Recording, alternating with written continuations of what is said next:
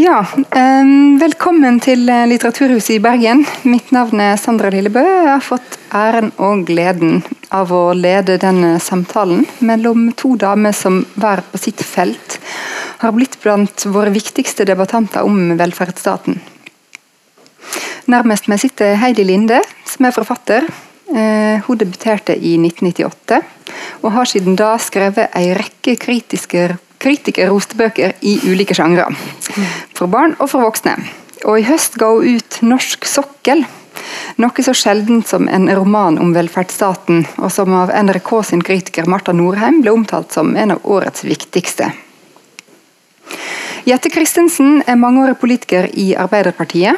Hun har møtt fast til Stortinget siden 2010, og er medlem i nasjonalforsamlingens kontroll- og konstitusjonskomité, et verv som, verv som bl.a. innebærer å ha kontroll på Grunnloven.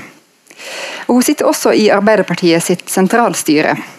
Velkommen til dere begge. Tusen takk. Eh, det er en provoserende tittel som har blitt satt over det arrangementet her. Um, å bli sydd puter under armene. Og De fleste skjønner jo i dag eh, hva det betyr, eller de fleste vet hva det betyr å få sydd pute under armene. Eh, men personlig må jeg innrømme at jeg ikke visste hvor uttrykket kom ifra. Så jeg tok Google til hjelp. Og der jeg til sist fant et svar, selvfølgelig på kvinneguiden.no. Langt nede i et forum. Eh, og Uttrykket stammer da ifølge Kvinneguiden ifølge, fra den tida krykkene eh, gikk helt opp under armhulene til folk. Eh, slik at Hvis man fikk sydd pute under armene, eh, var det for at det skulle gjøre det mer behagelig å ha krykkene på. Eh, et fiffig bilde som altså ikke bare betyr å få hjelp, eh, men også at man får tilrettelagt bruken av hjelpemiddelet. Eh, og I Linde sin roman er det ofte ikke bare hjelpemiddelet i seg sjøl, men hvem som bruker det, og på hvilken måte som er det sentrale spørsmålet. Hvem er velferdsstaten til for? På hvilke betingelser, og til hvilken pris? Det er blant de spørsmålene som stilles, og som, skal det vise seg, er vel så eksistensielle som politiske. Jeg tenkte jeg ville begynne med å spørre deg, Heidi Linde. Hvordan skriver man en politisk roman om velferdsstaten? Ja, eh, godt spørsmål. Um, kan vel si som For min del så begynte det her med Eller jeg har alltid vært eh, interessert i og, bøker og historier som tar for seg på en måte det store i det lille.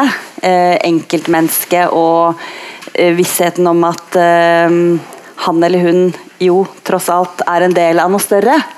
Eh, og Som forfatter så tenker jeg at jo tettere jeg går på en person, eller de personene jeg skriver om, jo tettere jeg kommer på de, jo, jo mm, bedre forutsetninger har jeg også for å si noe om den verden eh, og det samfunnet som de lever i, da, på et mm. Men Norsk sokkel, jeg, er veldig opptatt av titler. Jeg går alltid og jakter på mulige romantitler. Og uh, Norsk sokkel er jo et sånt uttrykk som vi stadig blir eksponert for. Um, og For noen år siden så syntes jeg at jeg hørte det overalt og leste det overalt og tenkte åh, det hadde vært en skikkelig bra uh, romantittel. Mm. Um, og, og, det at jeg ble så fascinert av det, eller begynte å tenke på, på, det, var vel at på den ene siden så er det det her at det er et bilde på den oppumpa rikdommen som har vært grunnlaget for velferden vår. Men så er det også dette sokkelbegrepet. Eh, og det ønsket om og behovet for og nødvendigheten av å være en sokkel, være en bauta for andre mennesker. Det tror jeg er veldig dypt menneskelig, og jeg tror også at det er flere enn meg som innimellom syns at det kan være ganske komplisert. Mm. Uh, men Norsk sokkel det jo det, det, det, sa jo noe om at uh, hvis jeg skulle skrive en bok som het det, så, så uh, ville jeg jo antyde at dette var en politisk roman. Jeg tenkte er jeg klok nok til å gjøre det? Har jeg, um, har jeg noe nytt å si? Men så begynte jeg å tenke på liksom, hva er politikk i tillegg til storting, i tillegg til kommunestyrer, i tillegg til det som skjer der oppe eller der borte. Um, og det er jo innmari mye det hender jo man møter mennesker som sier at de absolutt ikke er opptatt av politikk. Eh, det bryr de seg virkelig ikke om. Det har jeg møtt flere ganger. Men jeg har aldri møtt noen som sier at jeg driter i åssen skole barna mine går på. Mm. Eller uh, hvis jeg blir syk, så er det samme det om det er noe helsevesen som tar seg av meg. Mm. Ikke sant? Så med en gang jeg begynte å tenke på at ja, men det politiske er jo også personlig, er det de historiene der jeg skal inn i? Uh, så forsto jeg at uh, dette var en roman jeg kunne skrive. Mm. Eh, det er et eh, grep du har gjort i romanen som er ganske sentralt. Det er at du innleder den romanen som er i fem deler. Og hver, ja. Seks deler, unnskyld. Eh, men hver av de delene innledes med et sitat fra lovgivninga om velferdstjenester. Ja. Hvorfor gjorde du det? Jo, altså Jeg tar for meg seks ulike velferdsgoder. Seks ulike steder i Norge, seks ulike mennesker med løse forbindelser. Og som sagt, Det er jo det der store i det lille eh, som jeg hadde lyst til å fokusere på. og eh, så Hver historie har en innledning eller et sitat som peker på, både for å peke på hvilket velferdsgode det er snakk om, men også kanskje for å vise noe om hva skal jeg si, teori og praksis. Eller ikke sant, f.eks. historien om, om, eldreomsorg. Så er det mange, mange um, veldig gode intensjoner om en verdig eldreomsorg. Mm. Som er en stortingsmelding. Og så viser vi hvordan det er for denne eldre kvinnen og for hennes sønn. Så det er, det er, vel et ønske om å få til det, det spennet der. da, mm. For å få et ytterligere innblikk i hva det dreier seg om, jeg lurte på om du kunne lese et lite utdrag akkurat ja, fra den delen? Det kan jeg gjøre. Eh, når jeg tenkte på um, når jeg tenkte på det personlige, så var jo en av de historiene eh, som kom opp, uh, som er en ganske selvbiografisk historie, selv om den selvfølgelig har veldig mange elementer som ikke har skjedd. Men min bestemor i Vik i Sogn begynte å rote etter noen år hvor hun hadde vært enke. Og så fikk hun ikke plass på heimen. Og Faren min bodde jo i Kongsvinger, så han hadde, var vel et årstid hvor han nærmest pendla Østland-Vestland for å se til henne i påvente av at hun fikk plass.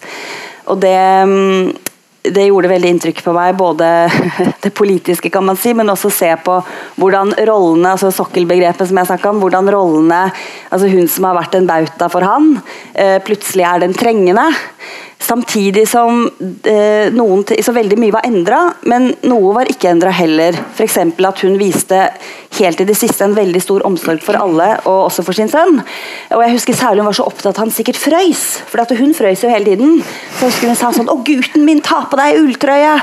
Og han syntes jo det her var noe forferdelig mas. Så jeg husker til slutt sa han sånn 'Mor, jeg er snart pensjonist!' Eh, så han kunne liksom kle på seg sjøl. Og da fortalte han om en historie han hadde lest om en dame på 105 eh, som var så letta, for nå hadde til og med yngstesønnen kommet på heimen. Så nå kunne hun slappe av.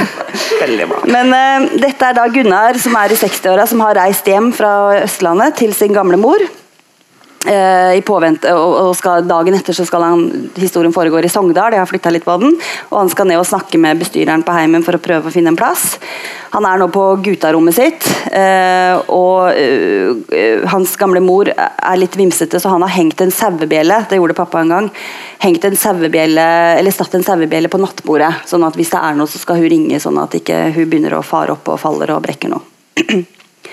Gunnar står i vinduet og ser utover dalen der husene har sprettet opp altfor tett, etter hans mening.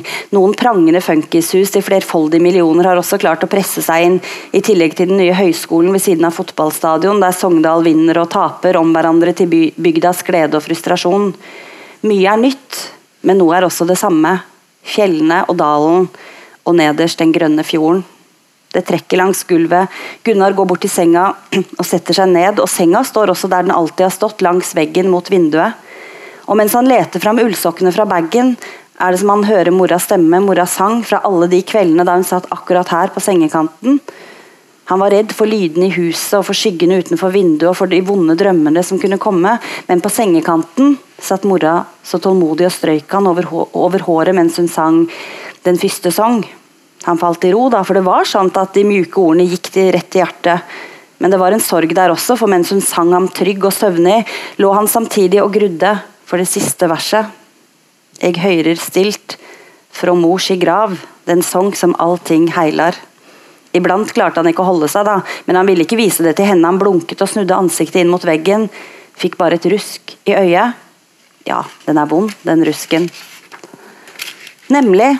Han setter seg så fast. Ikke sant? Klør gjør han også.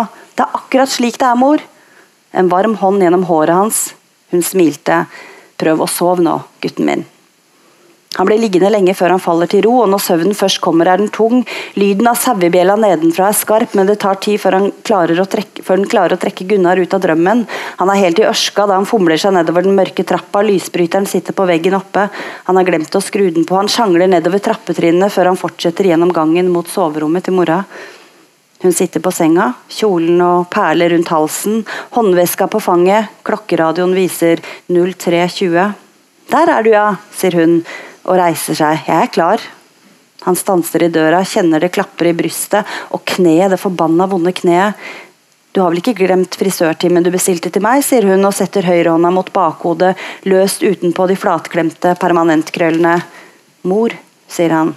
Jeg trenger virkelig å få rulla det opp nå, sier hun. Timen er klokka to, mor, sier Gunnar. Hun nikker. Jeg liker å være ute i god tid. Han er tørr i munnen og drømmen, et eller annet heseblesende og usammenhengende om å skulle rekke fram til noe viktig, sitter ennå i ham. Klokka halv fire, sier Gunnar om natta. Å, sier mora. Hun løfter hånda og myser mot armbåndsuret sitt, men det er for mørkt der inne, kanskje batteriet har tatt kvelden også, for nå setter hun klokka mot øret og lytter. Nei, mumler hun, her var det ikke mye til liv. Han hjelper henne av med kjolen og perlekjedet. Hun finner fram nattkjolen fra under den pent oppredde dyna og snur seg litt vekk fra ham før hun smetter av seg bh-en og trekker nattkjolen over hodet. Han legger dyna rundt henne, han kan ikke huske å ha gjort noe slikt før, og han tenker når ble denne kroppen så liten? Vi kan vel ligge frampå i morgen, sier mora. Hun ser opp på han, Gunnar nikker. Prøv å sove nå, mor, sier han. Tusen takk. Um, Jette Christensen, hva vekker den passasjen her i det? Den er, hele det kapitlet er veldig sterkt, eh, og det viser jo altså bare det, Vi snakket om det før vi kom ned her. Bare det å være eh, et sånt sted er sterkt for alle mennesker. For alle døtre, for alle barnebarn. For Det er liksom noe med det å se helter bli gamle. Eh, og alle har jo vært helter i andres liv. Eh, og det å se alderdom eh, så nært og institusjonalisert er sterkt. Eh, og grunnen til at vi driver med politikk, er jo, bør jo i hvert fall være å gjøre alles liv litt friere og litt enklere. Mm. Og når man kommer på et sånt sted, så er det noen eh, som har hatt det litt mindre fritt og litt mindre lett enn det du har hatt. Mm. Norge er et land som eh, scorer veldig høyt på eh, denne indeksen som heter sosial mobilitet. Og det måles egentlig veldig lett på én ting, og det har du det bedre, enklere, friere og tryggere enn mor di. Mm. Vi kan si ja til det mm. spørsmålet, men det som, er, eh, men det som rører meg veldig med det kapitlet eh, der, er menneskets møte med eh, velferden og systemet, ikke bare som bruker, men også som pårørende. Mm. Eh, og Hvis jeg bare kan få lov eh, til å sitere noe som jeg syns var eh, bevegte meg veldig. Mm. Eh, det er bare noen få setninger, og jeg er ingen oppleser eller forfatter, så dere får beklage eh, det. Men jeg syns at dette her er veldig fint. Jeg vet virkelig ikke hva jeg skal gjøre, sier han, annet enn å flytte tilbake. Og det er vel ikke akkurat noe alternativ. Han er inne på kontoret eh, til bestyreren eh, til dette gamlehjemmet. Han smiler tamt, hun svarer ikke. Nå kjenner han hvordan fortvilelsen kommer tilbake, og mens han ser for seg hvordan han vil bli servert fraser om innsparinger i Helse-Norge, om nedbemanninger og stramt kommunebudsjett, glir blikket hennes forbi ham, mot vinduet. Så planter hun håndflatene bestemt i bordet og setter de mørke øynene i ham. Det er klart vi må få til noe her. Mener du det? Mora di kan ikke ha det slik, sier Jorunn, og ikke du heller. Mm. Og Det syns jeg er så fint, fordi at det, um, ikke bare det møtet mellom to mennesker på et kontor, men det er også det at det, politikernes oppgave er å lage systemer. Men innenfor de systemene så er det mennesker som yter velferd til hverandre. Uh, og det hun uh, er på en måte en sånn drøm av en person som skal være et sånt sted. Uh, nemlig noen som ser det på sine oppgaver å gi nemlig velferd, ro, eh, trygghet og frihet til de som kommer og møte henne. så Det synes jeg var et veldig fint bilde. Mm. En eh, sentral problemstilling i det kapitlet her, eh, det er jo eh, den eventuelle motsetninga som finnes mellom personlig moral og personlig ansvar, og retten til velferd. Føler du at velferdsstaten har endra oss på noen måte? Har den gjort oss mindre moralske? Har den gjort oss mindre i stand til å ta personlig ansvar? Der må jeg si et helt kategorisk nei. Velferdsstaten gjør folk friere. Velferdsstaten gjør at, vi, eh, at kvinner kan leve helt andre liv enn bare for en generasjon siden. Eh, at eh, klassereise er mye, større, mye mer mulig. Eh, det har gjort eh, at alle vi kjenner kan leve helt andre liv enn det vi hadde kunnet uten. Mm. Så det at det finner, Men velferdsstaten kan ikke vedta at folk skal være greie med hverandre. Mm. Vi kan ikke vedta kjærlighet, vi kan ikke vedta at vi skal stille opp for hverandre, og vi kan ikke vedta dugnad. Mm. Men heldigvis så er det sånn at det er veldig i oss. Mm. Så jeg vil ikke være Jeg vil slå veldig hardt ned på å si at folk ikke klarer å bruke den friheten de har fått, men jeg forstår frustrasjonen. Jeg forstår at man kan føle på det, føle seg skamfull, sånn som du så fint beskriver i boken. At man f.eks. når man er inne på et sånt gamlehjem, kan tenke jeg har fått så mange friheter av deg og dine skattepenger og ditt liv. Bruker jeg dem riktig? Lever jeg livet mitt stort nok? Det er et spørsmål vi alle sammen kan stille dere eh, når man finner ut av at eh, man egentlig ikke har fullført den mastergraden som man har fått gratis på Universitetet i Bergen. Mm. Eh, som eh, ingen av foreldrene mine kunne drømt om å ha anledning ledning til, for de hadde det litt for travelt med å passe meg. og sånn, Så det er jo klart at man kjenner på det. Mm. Men hvor kommer det ja, her, fordi jeg tenker ja. på det du sier med at man har mer frihet og har det bedre enn mora si eller generasjonen over. Eh, det med at eh, velferdsstaten også institusjonaliserer mye av eh, omsorgen, sånn som vi ser her. Eh, hvis det hadde vært for noen generasjoner siden, så hadde jo Gunnar bodd. Mm. Eh, vi mm. om det at nå er det mobilitet også, at man flytter, man får jobb på andre siden av landet. Mm. Gamlemor sitter igjen på mm. Vestlandet, barna har flytta derfra. Mm. Gården er eh, småbruket, det er ikke noe dyr der lenger. Jorda er mm. forpakta bort, så hun kan sitte igjen der. Og eh, sånn i bestemors tilfelle, Bestemor og bestefar fikk et eh, lite hus i Sogn da de gifta seg, mot at de fikk en gammel onkel på kjøpet. Mm. Som bo på Lemmen. Yes. sånn at, For da var det jo ikke noe heim å sende han til, ikke sant? så da var det en sur gammel kar som satt der og slo med stokken og skulle ha servert uh, mat av bestemor osv. Jeg tror ikke det var noe drømmetilværelse i det hele tatt for henne, men, uh, men man, hadde, man, hadde, folka sine rundt seg. Uh, og Sånn sett mister man jo også noe ved, ved institusjonen, selv om det ikke er noe alternativ noe annet. og man ja, Det gjelder jo på skole og barnehage og alt, men, men det er jo et interessant perspektiv. og um, ikke at ting var bedre før, men å, å se på hvordan, uh, hvordan det mm, var. absolutt. Eh, og Dere argumenterer jo begge to veldig godt her nå for at man skal ikke ha dårlig samvittighet for at man benytter seg av velferdstjenester. og sånt. Men uh, hovedpersonen i det kapitlet her har jo en fryktelig nagende samvittighet. Hva mm. kommer den av? Du som har skrevet det her. Ja, godt spørsmål. Uh, nei, Kanskje det er litt det jeg snakka om, at han tenker jo tilbake på hvordan det var. Ja. Uh, at han føler Han er jo tross alt 60, så han er jo litt den gamle skolen. Og tenker vel kanskje på at man bør Altså det å ta vare på uh, sine gamle. Det, mm. det kommer veldig høyt opp på lista over en, altså en god sønn. Mm. Så han tenker jo helt konkret skal hun flytte til oss på Østlandet, her har hun ikke noe nettverk. Og selv om jeg har en fantastisk god kone, så vet jeg ikke om, hun, om det liksom er bra for verken mor eller kona mi eller meg å ha, ha gamlemor i kjelleren.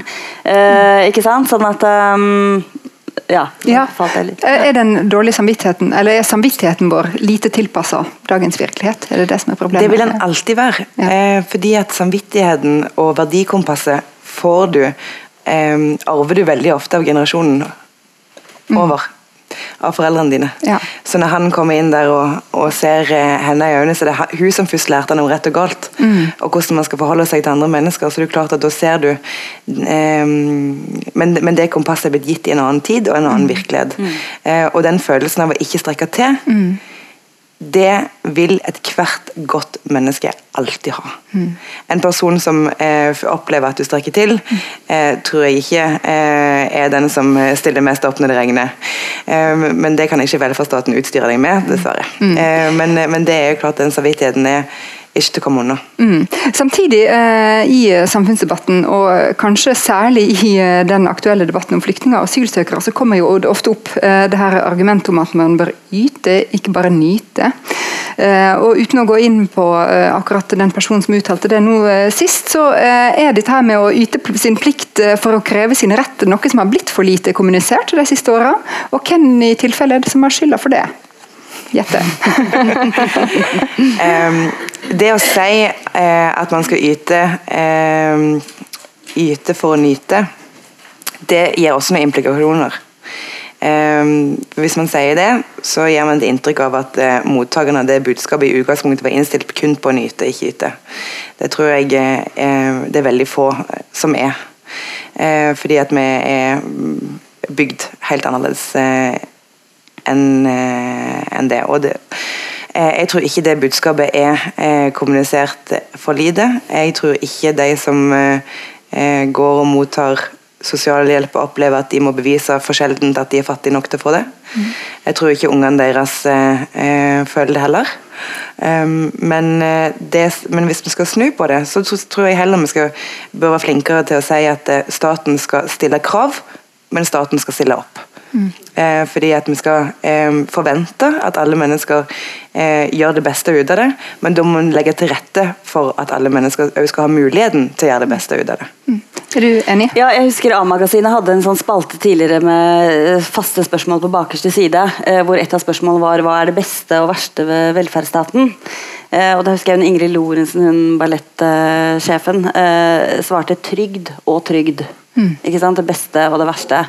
Eh, og Da er vi tilbake til puter under armene. og Er det, er det en trygghet eller er det en hvilepute? Mm. Eh, men som Jette sier, så, så eh, jeg tror det er mye mer skamfølelse knytta til å få penger fra Nav enn en sånn ha-ha, nå skal jeg grabbe til meg. eh, jeg, jeg, tror det. Mm. Og, eh, og um, ja. Mm. Eh, sammenhengen mellom eh, rett og plikt blir jo belyst eh, gjennom hele romanen. Eh, et, eh, et, av kapitlene som jeg merka meg særlig, var den første delen, som handler om ei kvinne i 60-åra, eh, Ragnhild. Hun bor på Lillehammer, og der viser det jo fram en kvinneskjebne som ja, Kvinneskjebne er et stort ord, men i hvert fall en, et liv som jeg tror kanskje ikke er helt uvanlig. Mm. Um, kan du lese litt fra ja.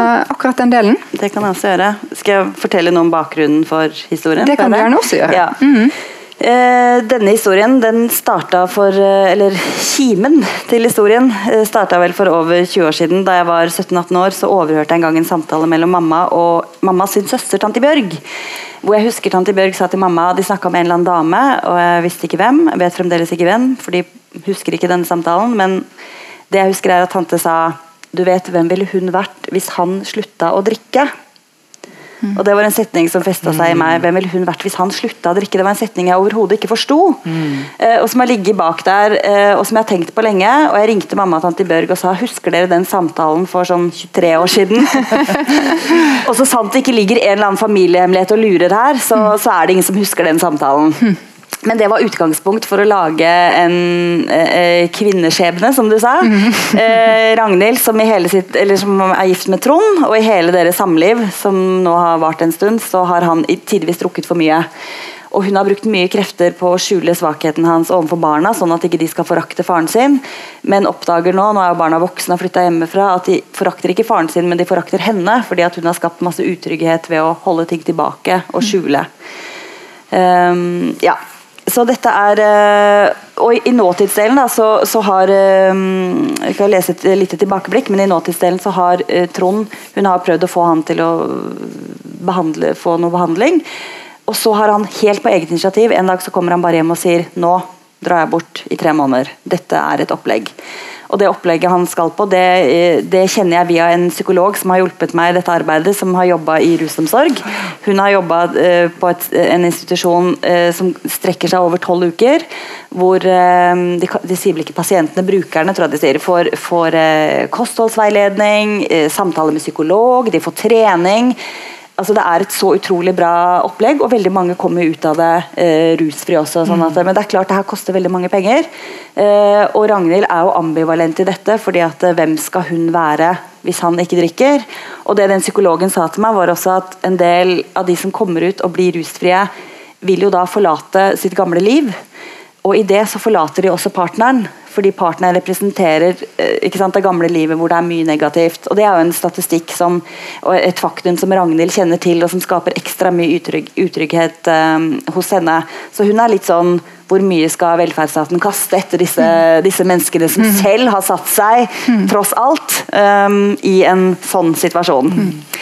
Men uh, dette er et lite tilbakeblikk hvor hun, uh, mens barna bodde hjemme, uh, fant ut at hun skulle dra fra familien.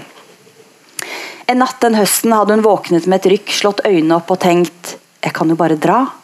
Tanken var ny, og den overveldet henne fullstendig. Trond sov ved siden av henne, på ryggen, selv om hun utallige ganger hadde bedt ham om å sove på siden pga. snorkingen.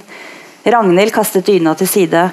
Klokka var halv fem, hun kjente seg så våken. Hun listet seg ut på badet og dusjet, tok på leppestift og den ganske nye røde blusen. Så gikk hun ned på kjøkkenet, hun satt ved vinduet og så hvordan det lysnet utenfor. Sola som sto oppover Mjøsa, og hun tenkte i morgen er jeg helt for meg selv. Rett over sju kom Trond. Han gikk i pysjen, skrudde på kaffetrakteren. 'Er du oppe alt?' sa han og gjespet. En vekkerklokke ringte fra overetasjen.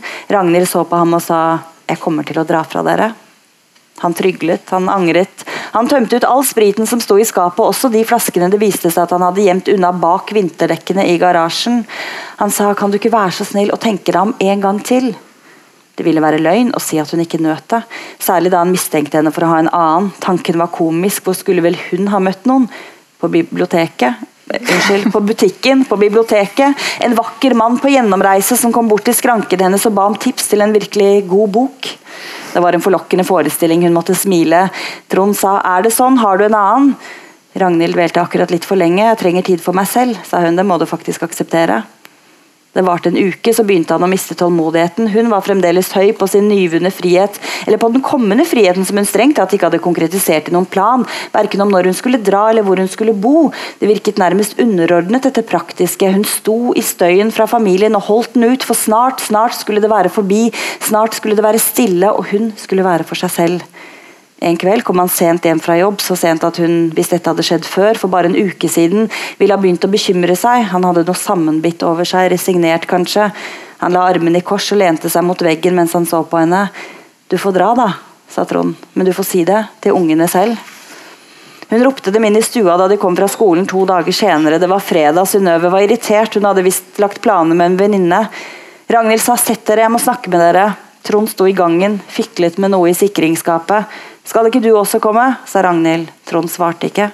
Synnøve satte seg i sofaen, løftet armen og så demonstrativt på klokka. Trond Espen begynte å hoppe opp og ned på gulvet. 'Hva skal du si, mamma?' sa han. 'Har du kjøpt noe til oss? Er det noe fint?' Han lo og holdt hendene ut i lufta mens han hoppet. Nå så Synnøve opp også, kikket mot Ragnhild bak det lange, lyse håret, og var det ikke noe i øynene hennes også? En sjelden gnist, en forventning? Hva er det, mamma? sa Synnøve. Hva er den hemmeligheten? Hun smilte, og hele ansiktet var liksom åpent. Si det, da! ropte Trond Espen, og borte ved døra lukket Trond sikringsskapet. Et knepp idet låsen gikk igjen. Ragnhild kunne se hvordan kjevene strammet seg, og hun tenkte hva holder jeg på med? Disse tre menneskene som elsket henne, for de gjorde vel det alle sammen på sitt vis. Disse som trengte henne, som så på henne som en bauta, selve limet i tilværelsen. Var det disse tre hun nå helt frivillig skulle såre på det aller verste, rykke opp, kanskje ødelegge fullstendig? En hund, sa Ragnhild. Hæ? sa Synnøve. En hund, gjentok Ragnhild og slo hendene mot hverandre. Borte ved døra snudde Trond seg mot henne. Jeg tenkte det ville være fint om vi fikk en hund, sa Ragnhild. Barna stirret uttrykksløst på henne. De hadde mast om kanin og hamster og stripete sølvfisker som skiftet farge etter humør. Men en hund! Barna vekslet blikk, og så begynte de å le. Trond Espen hoppet opp i senga, og jublet mot taket, og der kom Synnøve dansende over gulvet. Og mamma, sa Synnøve, la armene rundt halsen hennes, presset den spinkle kroppen sin mot Ragnhild. Det luktet tyggis og Timotei-sjampo. Takk, kjære, kjære mamma, sa Synnøve. Ragnhild kikket bort på Trond, han ristet sakte på hodet mens han så på henne. 'Du er ikke sann', sa han og himlet med øynene. Men han kom til henne om kvelden, en varm hånd under dyna da hun trodde han var i ferd med å sovne, og det var annerledes da som noe som hadde vært en gang for lenge siden, eller kanskje noe annet, noe nytt. Så nå blir du, sa han da de lå der i mørket, og hun sa ja, hun gjorde det, for hva ville vel han bli uten henne? Tusen takk. Um, du har jo sjøl sagt at dette er den delen av boka du kanskje har fått flest tilbakemeldinger på. Ja, jeg tror det. Ehm, jeg tror det. Eh, både mennesker som ikke har vært i samme situasjon, som har identifisert seg. For det er jo et eller annet med jeg tror alle kan, uansett om man ikke har vært i den situasjonen, det der å føle at du, du, gir veldig mye til noen, og så får du lite takknemlighet. Og så er det så utrolig lett å bli litt sånn usjarmerende bitter eller martyr, eller, den tror jeg vi alle har kjent på. Men, men det er nok mange som Overraskende mange som har vært eller er i den situasjonen som Ragnhild er i. Og Jeg var på en opplesning med flere forfattere hvor jeg måtte gå, for jeg skulle på noe annet. Så jeg bare lista meg ut, og så kommer det en dame i 60-åra etter meg, så jeg trodde at hun øh, skulle på toalettet, eller noe sånt, men hun sier unnskyld, jeg mener ikke, eller jeg pleier ikke å være så, så direkte og spontan, men jeg må bare si at, øh, at det var meg du snakka om der inne. Mm. Uh, og da sa jeg å herregud, kjenner du tante Bjørg? For eh, Da tenkte jeg at nå er mysteriet løst etter over 20 år. Men det gjorde hun ikke. Men, men hun beskrev da en situasjon hun var i som var Det var som, det var som Ragnhild. Mm. Og hun sa jeg blir ingen sammen med han, mm. så jeg prøver å finne noe som bare er mitt. Og mm. derfor dro jeg på dette arrangementet i dag. Mm. Og det er jo virkelig sånn ståpels. Og som forfatter så tenker jeg når jeg skriver at det jeg er mest opptatt av, er jo, er jo menneskene jeg skriver om. Mm. Situasjonen de er i. Mm. Og det at et menneske kan stå foran deg og, og, eller vokse ut av tastaturet, ut av boksiden og stå der og si mm. 'dette er meg', det mm. er uh, Mm. Det er ganske magisk. Ja. Men er det ikke også et uh, generasjonsportrett? Altså, jeg tenker at uh, ja, Du skrev jo om ei kvinne i 60-åra, det var ei kvinne i 60-åra som, som kom, kom, bort til deg den kvelden. ville ikke yngre kvinner ha håndtert den situasjonen på en annen måte, tror du? Det kan godt hende at det blir hos din mann og sånne ting, at det, at, at det, er en generasjon. Samtidig ser vi at unge kvinner lever med til og med voldelige menn. Hva er det som mm. gjør at, at man setter seg i en sånn avhengighetssituasjon, eller er det et eh, ønske om at noe skal forandres, eller er det en eh, sånn utenifra sett naiv tanke om at eh, bare han får leve med meg, så kommer ting til å endre seg. Så jeg tror både ja og nei på det mm. spørsmålet der. Hva tror du? Psykologisk er det er det først og fremst 60-åringene dette angår, eller er det Jeg tror at det, det, kan forklares ganske enkelt og vanskelig hvorfor man blir. og Det tror jeg dreier seg om kjærlighet. Og det kan man ikke velferdsstate seg vekk ifra. eh, og det, eh, Vi har jo lagd innretninger nå som ikke var da. At man eh, har økonomisk frihet, har sin egen lommebok, kan flytte i sin egen leilighet starte sitt eget liv, og ikke økonomisk avhengig av å være hos en mann som slår, eller drikker seg i hjel, eller drikker seg i få både seg sjøl og deg. Mm. Men jeg tror eh, akkurat det eh, Jeg tror det er veldig mange damer i akkurat den generasjonen som har brukt veldig mye energi på å lage andre mennesker fantastiske. Mm. Fordi at Grunnen til at ungene hans opplever at han er fantastisk, er fordi at hun har gjort han det. Mm. Hun har klart å dekke til, passe på, la solen skinne akkurat der hun skal skinne, og passe på eh, alle som, er, alle som lever eh, og kjenner noen som er i den alderen, har sett de bevegelsene. Um, uansett hvordan, uh, om det er nær familie eller, eller, ikke, så er det så lett å kjenne seg igjen i den, den nitidige, daglige heldagsjobben det er. Og Hun bestemte seg jo uh, ganske tidlig for at hun skulle ta det ansvaret på bryllupsnatta. Mm. Så er det jo en veldig fin passasje i den boken der uh, bryllupsnatta er som det er. Hun er smelt på tjukken før de gifter seg, så hun kan ikke fyre seg på ræv på den kvelden sånn som han. Han legger seg på badegulvet, eh, murings de luxe, hun sovner, og han våkner, eh, hun våkner ved siden av han om morgenen. Og Da har han da klar til å ta av seg klærne, og det blir beskrevet som en bragd ikke sant, allerede da. Eh, og Han våkner og sier 'skal du gå ifra meg nå?' og sånn. Og Allerede da i møte kommer hun han med 'nei, nei, det er jo selvfølgelig helt vanlig å bli fulle full på eh, bryllupsnatta når du har en gravide kone'. Eh, ja, nei, det er jo klart at sånne ting kan skje, og vi har jo hatt bryllupsnatter før, he-he. Eh, sånn at eh, hun har på en måte lagt det til rette mm. veldig tidlig. Men det kan hun ikke klandre for for. Hun elsker han jo. Mm. Sånn at det er et veldig vanskelig farvann, for hun ødelegger jo seg sjøl mm. med å elske han. Mm. Men når det gjelder dette spørsmålet om rusomsorg og ressursbruk, mm. som eh, Ragnhild er, er, veldig opptatt av.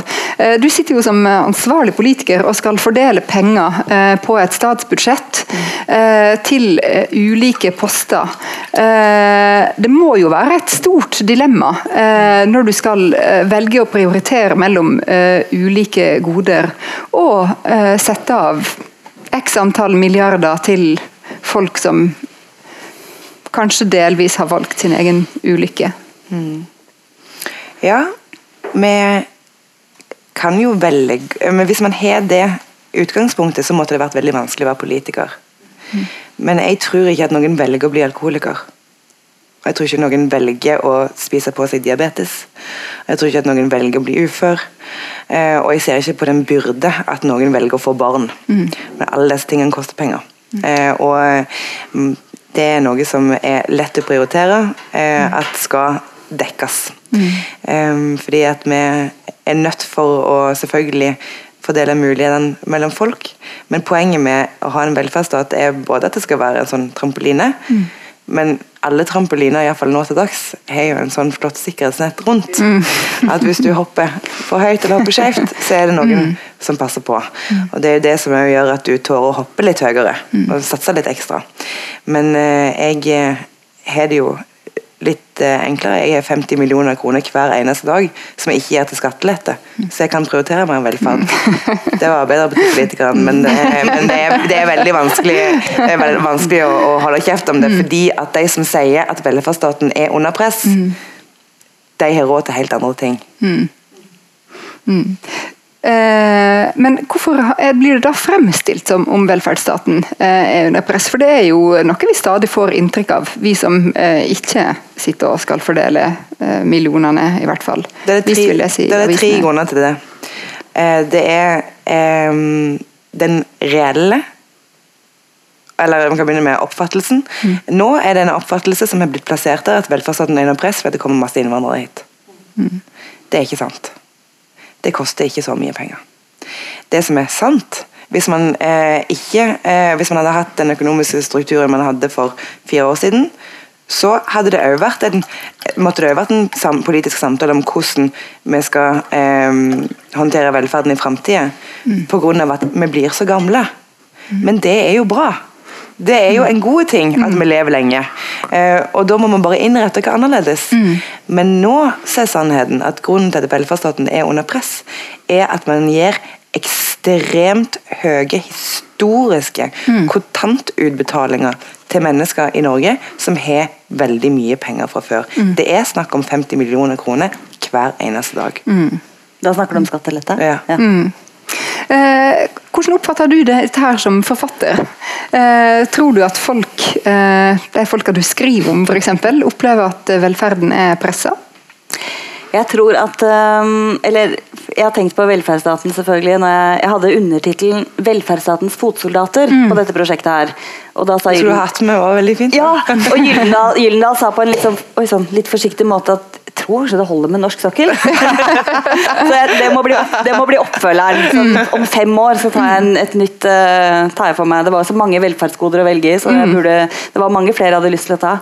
Men, men det var, uansett om det ikke blei med som tittel, så var det en, eh, en fin overskrift å ha for meg sjøl når jeg skrev. Både for å minne meg på at, eller altså understreke dette handler om velferdsstaten, men også fotsoldater, som jeg syns er et fint uttrykk fordi alle disse folka som holder på en måte maskineriet i gang, men som ikke blir invitert til Litteraturhuset i Bergen for å snakke om det.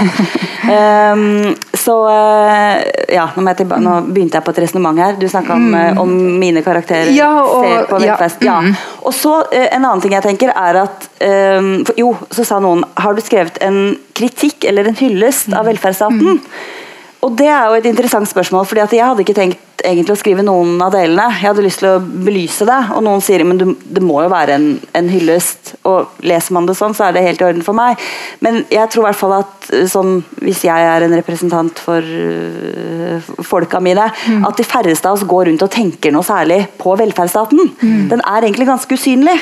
Men så er den også veldig umistelig. Og jeg tror de fleste av oss får noen sånne ha-opplevelser i løpet av livet hvor man blir sånn Takk og lov for velferdsstaten! Det tror jeg. Og for min del var det for ti år siden da jeg fikk premature tvillinger eh, som måtte være på sykehus i tre uker. Og eh, det kosta jo selvfølgelig ingenting. Og det var sånn Her er matkuponger til deg, her er matkuponger til mannen din. Bare skriv under her, så ordner vi sånne pleiepenger. Altså, og I tillegg til alt det medisinske som var på topp, topp, topp nivå, så ble liksom alt lagt til rette. Og jeg husker jeg sa Å, jeg skal betale skatt. Jeg gleder meg til neste gang jeg skal betale skatt. Uh, sånn at jeg tror man får noen sånne påminnelser, og det tror jeg man trenger, for det er jo veldig lett å peke på det som ikke funker. At det er sånn stå så og så lenge i kø og med, med det. Og, og, hvordan kan vi gi til noen når våre gamle ikke har det bra nok, og når det er bra nok osv. Så, videre, og så, så de påminnelsene, som, som, og de tror jeg må være personlige. Det tror jeg må, Uansett om du leser at sånn og sånn funker det, du må liksom kjenne det i hjertet. At uh, takk, velferdsstat, for at jeg får bo i deg. sånn tror jeg det må være. Er bøkene dine en sånn type påminnelse? Altså Føler du at det er et ansvar du har som forfatter å løfte frem den typen diskusjoner? Oi, eh, nå ble det plutselig veldig skummelt å skrive, kjente jeg. Hvis det skal være den setningen, hvis jeg skal sitte på skulderen min, så tror jeg ikke jeg tør å skrive. Det er kanskje mer sånn man kan lese av det etter, et, i ettertid. Ja. Men, eh, men, jeg ser jo at jeg tidligere også har skrevet nettopp det jeg sa innledningsvis med, med altså det store, det lille og mm. enkeltmennesket, som alltid vil forholde seg til, til noe der ute. Og da, da, er det kanskje et ja på mm. det som svar. Hva tror du om det? Altså romaner av den typen her. Er... Kan de være med på å løfte frem uh, den typen problemstillinger? Det er helt klart. Vi sitter jo her nå og diskuterer mm. velferdsstaten mm. på en ren tung mandag. Mm. Det er klart det er viktig. Men det er òg veldig viktig at forfattere får lov å være forfattere. At de ikke blir tatt til inntekt for noe mer enn akkurat det de leverer. Mm. Og ikke føler at de må svare for noe. Jeg husker jeg var på et arrangement eh, på dette huset eh, i regi av Bergens Tidende. Og da var det en diskusjon om eh, aktuelle saker denne uken. og da hadde Frode Grutten skrevet et dikt om smykkeloven. Mm. Som ble delt mye på Bergenssiden. Det var mange som leste det på Facebook. og sånn, Det var veldig fint dikt. Og da gikk jeg praten om at Frode Grutten må ta et større ansvar. Mm. Han må se det store bildet, mm. han må se det makropolitiske i dette. Der er penger involvert. Altså, jeg kan ikke bare ha det så enkelt som det diktet der. Nei, men Frode Grutten sitt ansvar er ikke å ta ansvar, han skal ta et bilde. Og det er jo det eh, Linde her også har gjort. Og det, og det, er viktig å bli påminnet um, de refleksjonene som hun tar opp. Og jeg husker når jeg leste akkurat det eh, sitatet som jeg leste opp, så var jeg så redd for reaksjonen. og vær så snill å si at hun møter han på en respektfull måte. Vær så snill å si at hun mm. møter han på en respektfull måte. Fordi at Grunnen til at vi kan ha en velferdsstat i Norge, eh, og grunnen til at velferdsstat kan eksistere, er jo tillit. Og tillit en, nå, eh, For tiden så er det jo veldig stor rift om å eh, definere hva som er norsk verdi. Hva er de norske verdiene. Det er likestilling, det er ytringsfrihet, eh, det er miniskjørt, det er hva som helst. Men en veldig sterk og særegen norsk verdi er jo tillit. Vi stoler på hverandre. Vi stoler på folk vi ikke kjenner. Fordi at vi vet at de andre betaler skatt. Vi stoler på at de andre følger trafikkreglene. Vi stoler på at politiet, politikere, pressen eh, er på jobb for oss hver dag. Eh, men tillit er veldig veldig eh, farlig å lene et samfunn på fordi det er så sårt. Og det utfordres når du blir skuffa. Eh, og derfor så er, var jeg så redd for å bli skuffa. Eh, og derfor så blir, blir velferdsstaten eh, og velferden og tilliten og hele systemet vårt eh, veldig skjørt når vi får sånne historier. Men det er jo et sunnhetstegn at de er sterke. Det er et sunnhetstegn at VG slår opp på første side hvis noen får dårlig eldreomsorg. Mm. Det er sunnhetstegn TV 2 viser hvis eh, noen får dårlig behandling på det lokale sykehus. For det viser at det er en reaksjon der. Mm. Det skal ikke være sånn. Mm. mm. Så det er eh, veldig, mm. Mm. veldig fint, egentlig. Et av de kapitlene som tematiserer nettopp det, det ble en veldig fin overgang nå, fordi i en av det, altså det at velferdsstaten blir tydelig når den er fraværende, er jo veldig tydelig i et av kapitlene i boka, der vi møter et ungt par på all inclusive-ferie i Egypt. Eh, og Hun er jo rysta over forskjellene og, og, fattigdommen som hun møter, mens han er mer kynisk anlagt og nekter å ha dårlig samvittighet over sine egne privilegium. Um, og mens jeg leste akkurat det kapittelet her, så, så, tenkte jeg at er ikke det her følelser eller fornemmelser som vi kan ha, uh, altså begge deler, innad i samme person? altså Det eksisterer side om side i oss alle. Um, at vi både får uh, dårlig samvittighet fordi det tross alt bare er flaks som gjør at vi er født uh, i Norge i, i den velferden her. Um, men at det samtidig ville vært umulig å fungere hvis vi skulle gått rundt og hatt konstant mm. dårlig samvittighet for mm den rikdommen som vi omgir oss med. Mm. Kommentar? Eh, søsteren min er antropolog, og hun, Ja. hun mener at det er typisk norsk å, å synes synd på alle. Ja. Eh, vet ikke om det egentlig er sånn antropologisk blikk, eller om hun er litt sånn Hun, syns synd på mange.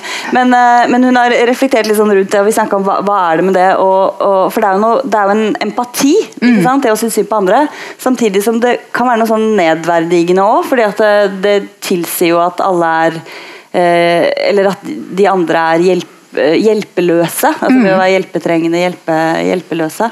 Men, eh, men jeg tror Vi er jo sikkert flere som har på en måte vært på ferie. Og, altså, I denne historien er det jo litt sånn ekstremt, fordi hun er jo egentlig Hellas, men så tenker hun også på en Egyptferie. Eh, og hun, eh, hun er jo Nav-arbeider som sliter i jobben fordi hun syns synd på alle. Eh, og så har hun dratt på ferie med en venninne som har kjærlighetssorg, så hun tar med henne til Hellas for hun syns synd på henne også. Eh, og så ligger hun og prøver å slappe av og kose seg. Eh, og ehm, så ser hun på disse greske damene uh, som skyver på sånne tunge traller med skittentøyvask. Som går inn og vasker på hennes rom. Så hun sier jo bare 'sorry, sorry' og don't, 'you don't have to do it'. Og tipser altfor mye. Men så er det jo feil å tipse for mye, for det er liksom nedverdigende, det også. Uh, og det er jo litt ekstremt, men jeg tror de fleste av oss har kjent på de dilemmaene. Uh, mens mannen hennes sier f.eks. når de er på all inclusive at man, man, man tipser ikke der. fordi at i starterkatalogen står det at all inclusive også er ferie for lommeboka. Eh, så da Det var det en venninne som sa til meg sånn helt seriøst. eh, og da tenkte jeg så deilig å bare ha Da er det ikke noe mer å diskutere. for Det er jo ferie for lommeboka. Så når det står da en tipskasse, skal man, skal man ikke, er det feil? Eh, hvor mye? Videre. Ja. Ja. Kjenner du ofte på den typen problemstillinger? Hver gang jeg er på den inclusive. Eh, Nei, men jeg kjenner litt på akkurat dette her, hvis jeg kan få lov å vise noe som um, er umulig å smile av, som gjør at jeg syns at eh, Linde er en veldig morsom forfatter. Klarer virkelig å ta, beskrive nordmannen veldig godt. fordi at em, Norge er jo the land of TV-aksjon. Vi elsker det. Eh, vi elsker dugnad, eh, gjerne hvis folk kan se det. Eh, vi elsker å gi penger, gjerne hvis folk kan se at det blir mye ut av det. Eh, vi elsker å hjelpe eh, sammen med andre eh, og vise fram vår egen godhet. Og det trenger ikke være noe negativt i det. Eh, alt vi gjør er ekshibisjonistisk. All, all trening, herregud. Eh, altså, eh, all matlaging, all hjelp, alt mulig. Det er ikke noe farlig det. Det er bare greit, det. Men jeg, jeg syns at det, eh, hun her Tale her viser det veldig godt når hun eh, husker dette, at fra så langt tilbake som man kan huske, har Tale hatt den samme tilbakevendende dagdrømmen. Å dele ut mat til fattige. Scenen er så tydelig. Hun står på en slette under en brennende sol. Foran seg har hun en enorm suppebolle. Køen av sultne er uendelig lang, men det nytter. For forsyningene kommer fram takket være henne og en eller annen hjelpeorganisasjon som hun ikke har navngitt, men som skal vise seg å være bunnsolid. Takknemligheten stråler ut av de underernærte ansiktene, og Tale sørger for virkelig å se inn i hvert eneste av dem. Men takknemligheten i henne er vel så sterk tilfredsstillelsen av å kunne gjøre noe. Eh, ikke sant? Og det er eh, av og til så, blir, eh, så kommer den mannestemmen som du illustrerer veldig fram, at ja, men du vil jo bare hjelpe fordi at du eh, vil ha skrøyd nærmest disse fattige. Men det er ingen hjelp som er mer høyverdig enn andre. Jan Egeland er jo ikke noe annet skrudd sammen enn hun der. Ikke kom og fortell meg at Jan Egeland ikke elsker å være på Dagsnytt 18. Det gjør Jan Egeland. Han syns det er kjempestas, og han tar gjerne en twist. Eh, sånn at eh, Det er jo klart at vi er skrudd sammen sånn at vi har lyst til å bety noe for andre. Og bidra og passe på at de eh, gjør hverdagen til andre folk bedre. Og det gjør nordmenn. Vi bidrar i fotballtrening, vi er i frivillige organisasjoner. Vi er på verdenstoppen i å være med i frivillige organisasjoner for å gjøre hverdagen til andre folk bedre. Men hva er det som er forskjellen på å være Jan Egeland på Dagsnytt 18 og på å være Bill Gates, som uh, tjener mange milliarder og som senere kan dele det ut? Absolutt ingenting. Absolutt ingenting. Men, altså, det ene, men jeg tenker at det ene representerer vel velferd, skal vel representere velferdsstaten, mens det andre skal uh, representere all almisse fra de rike til de fattige. Det er vel noen forskjell på det? Jo, men mennesket Bill Gates og mennesket Jan Egeland oppfører seg helt likt. Det hadde jeg egentlig ikke tenkt til å eh, du har, du har et synspunkt, men da skal, vi, eh, da skal du få anledning til å stille det helt til slutt.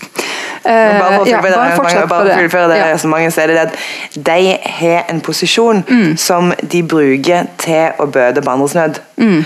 Eh, og, og godt er det. Og, rei, og de reiser begge to viktige debatter. De er begge to viktige mennesker i, Mm. i verden. Jan Egeland eh, redder kanskje flere hvis man teller sånn antall folk. Mm. Eh, men men, eh, men det jeg prøver å adressere her, er drivkraften til å gjøre det. Mm. Ja. Ja. Ehm, et siste spørsmål som går til dere begge to. Eh, har dere noen gang dårlig samvittighet for deres egen bruk av velferdsgode, eller av det å bo i en velferdsstat?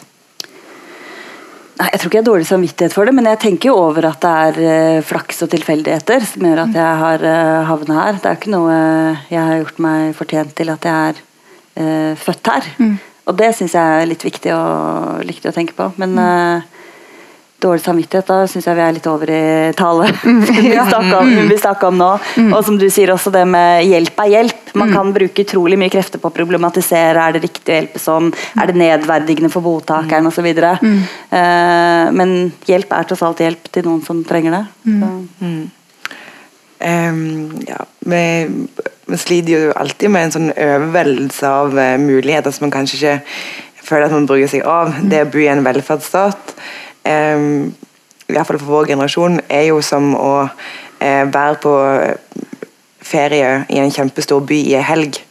Du føler at du ikke får brukt alle mulighetene, du får ikke sett alt. Du, får ikke, ja, du blir kanskje litt sånn utslitt av det hvis du begynner å tenke sånn.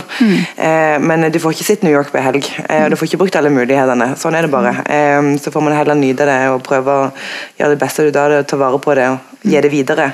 Eh, og passe på å bruke energien på andre ting enn dårlig samvittighet. Jeg syns det var gode ord å avslutte med. Eh, skriv mer, Heidi Linde. Eh, så eh, må du også komme tilbake igjen til Bergen riktig snart. Eh, nå kan jeg takke alle som kom, eh, og hjertelig takk til Jette Christensen og Heidi Linde. Takk.